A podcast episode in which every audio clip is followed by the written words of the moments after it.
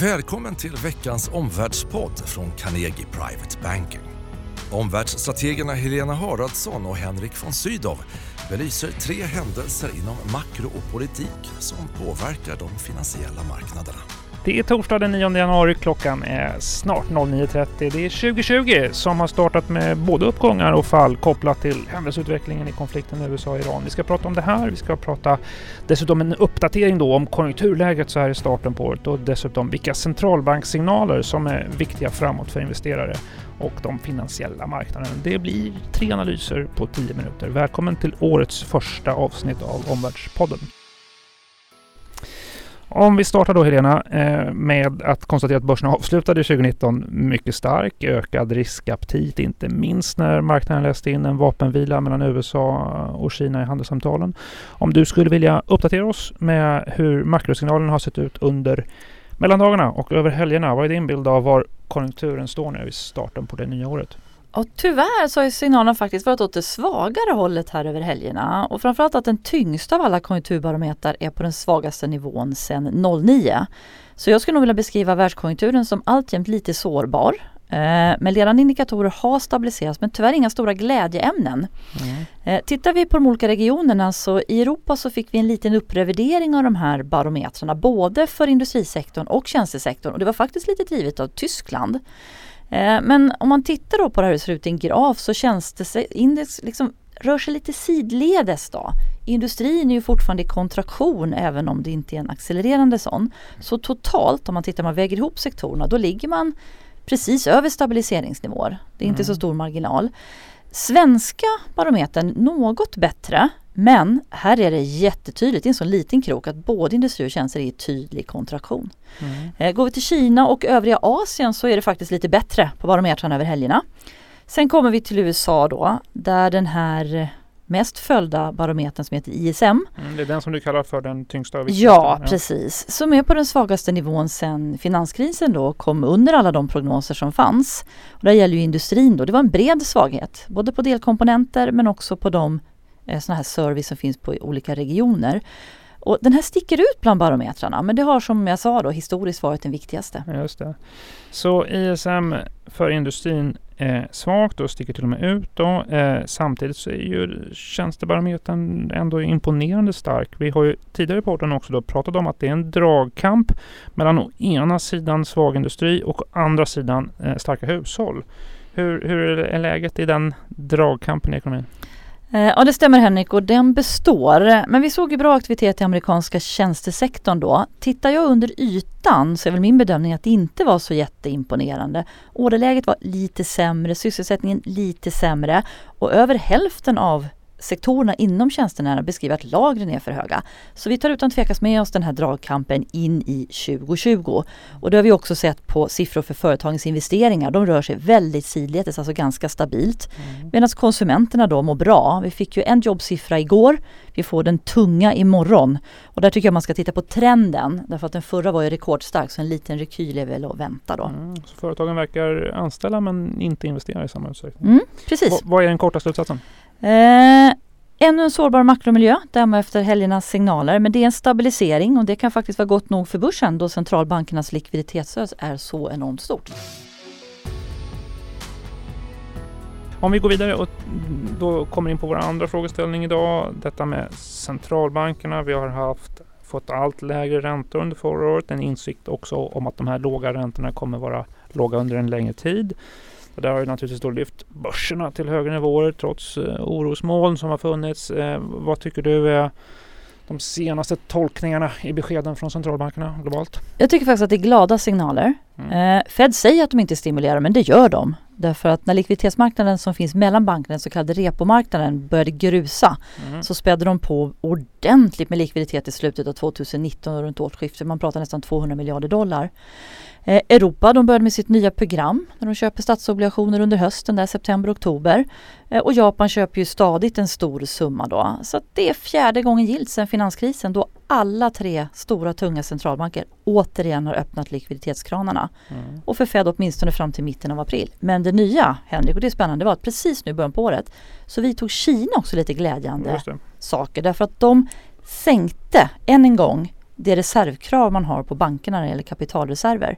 Så det var också en liten lättnad som ska glädja marknaderna. Mm. Vilka, på temat glädja marknader, vilka förväntningar bedömer du finns på marknaden på centralbankerna inför 2020 och, och vad kommer du hålla ögonen på under året? Ja, det är tydligt att eh, vi kommer få ha låga räntor länge.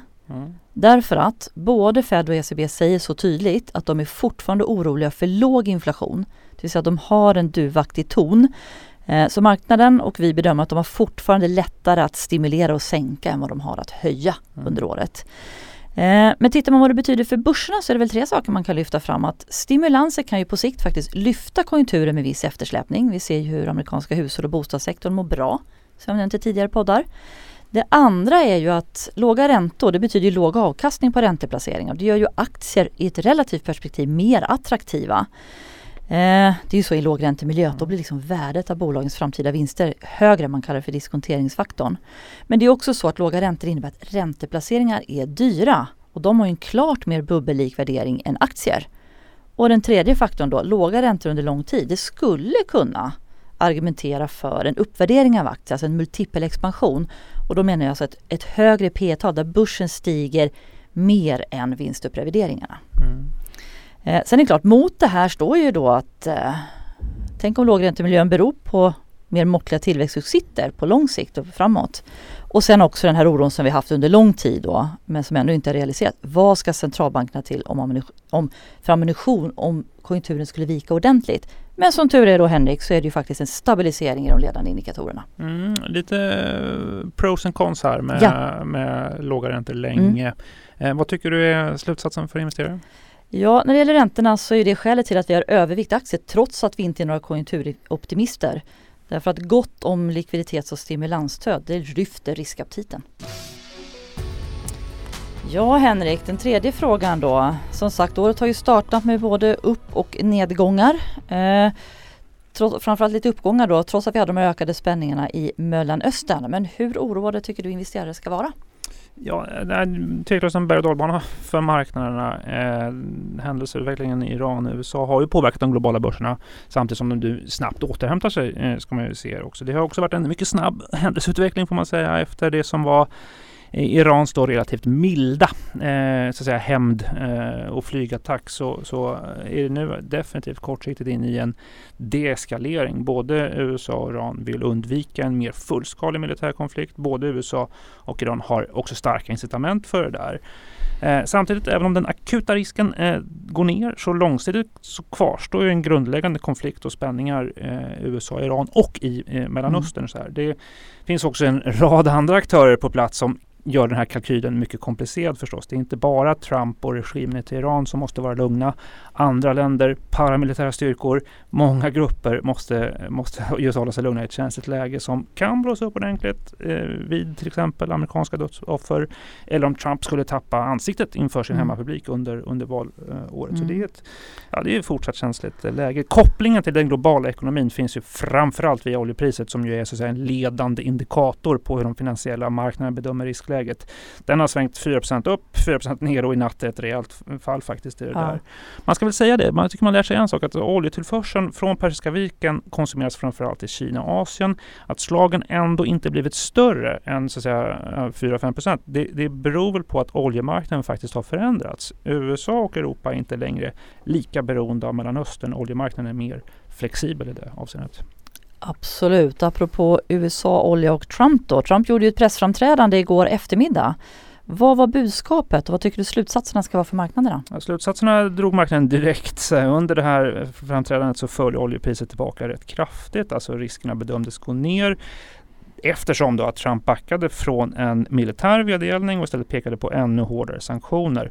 Positivt är också att det, det bland, bland all retorik, all tuff retorik, så fanns det också en Olivqvist med i, i Trumps budskap vid, vid onsdagens pressframträdande. En inbjudan att faktiskt jobba tillsammans och mm. i dialog mot eh, gemensam, gemensamma fiender som terrorism mm. i, i detta. Det där bygger ju faktiskt upp då ett, hur osannolikt det än kan låta, så bygger det ju ett scenario för faktiskt än mer deeskalering i, i regionen. Det är inte ett huvudscenario, men det fanns en öppning för det. Mm. Men han nämnde ju ändå sanktioner mot Iran. Vilken betydelse spelar de, Henrik? I Irans fall en eh, hårt sargad ekonomi där IMF eh, bedömde att eh, Irans ekonomi minskade med 9 under, under förra året. Det väntas då, IMF gör bedömningen att eh, den iranska ekonomin står stilla i år. Det var före då tal om tuffare sanktioner. Eh, man ska veta att i den här sanktionstyngda ekonomin så såg vi också förra året omfattande protester mot regimen som startade då i uppror mot bensinpriset. Uppror som slog ner våldsamt eh, och med flera dödsoffer. Så, så det iranska folket och också regimen är ju under en betydande ekonomisk och politisk press. Maximum pressure kallar ju Trump-administrationen den, den regimen så att säga. Nästa steg nu det är att bedöma, eller titta på hur Iran eh, väljer att svara på just det här med ytterligare ekonomiska sanktioner. Öka, en möjlig väg för Iran är att öka det politiska trycket på USA i Irak eh, för att, så att säga, få ut de amerikanska intressen där och stärka Irans eh, ställning där eh, om möjligt. Eh, vi vet också att Iran är så att säga mästare på icke-konventionella krigsföringar. Alltså riskerna för rederier, oljeanläggningar, oljetransporter har, har ändå gått upp eh, mm. något, något med detta. Vilka vägval Iran faktiskt gör, väldigt svårt att spå om detta. Mm. Ett scenario är faktiskt att de väljer att vänta ut det amerikanska presidentvalet i, i november. Mm.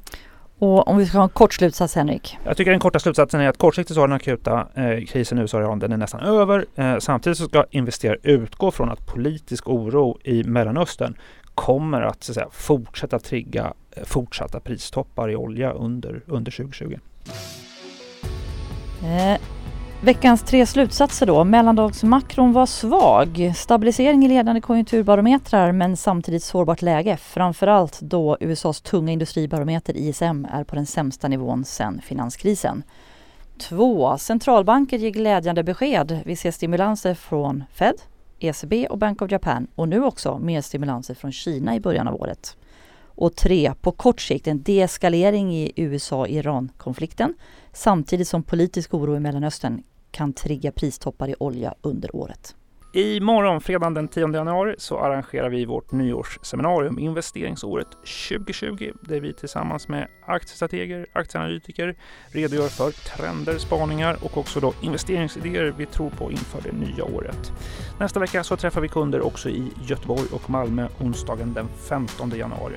Kanske ses vi där. Nästa avsnitt av Omvärldspodden det släpper vi torsdagen den 16. Tack för att du har lyssnat. Tack för att du har lyssnat på Omvärldspodden från Carnegie Private Netbanking. Vill du veta mer om vad som händer i vår omvärld och få aktuella idéer till affärer?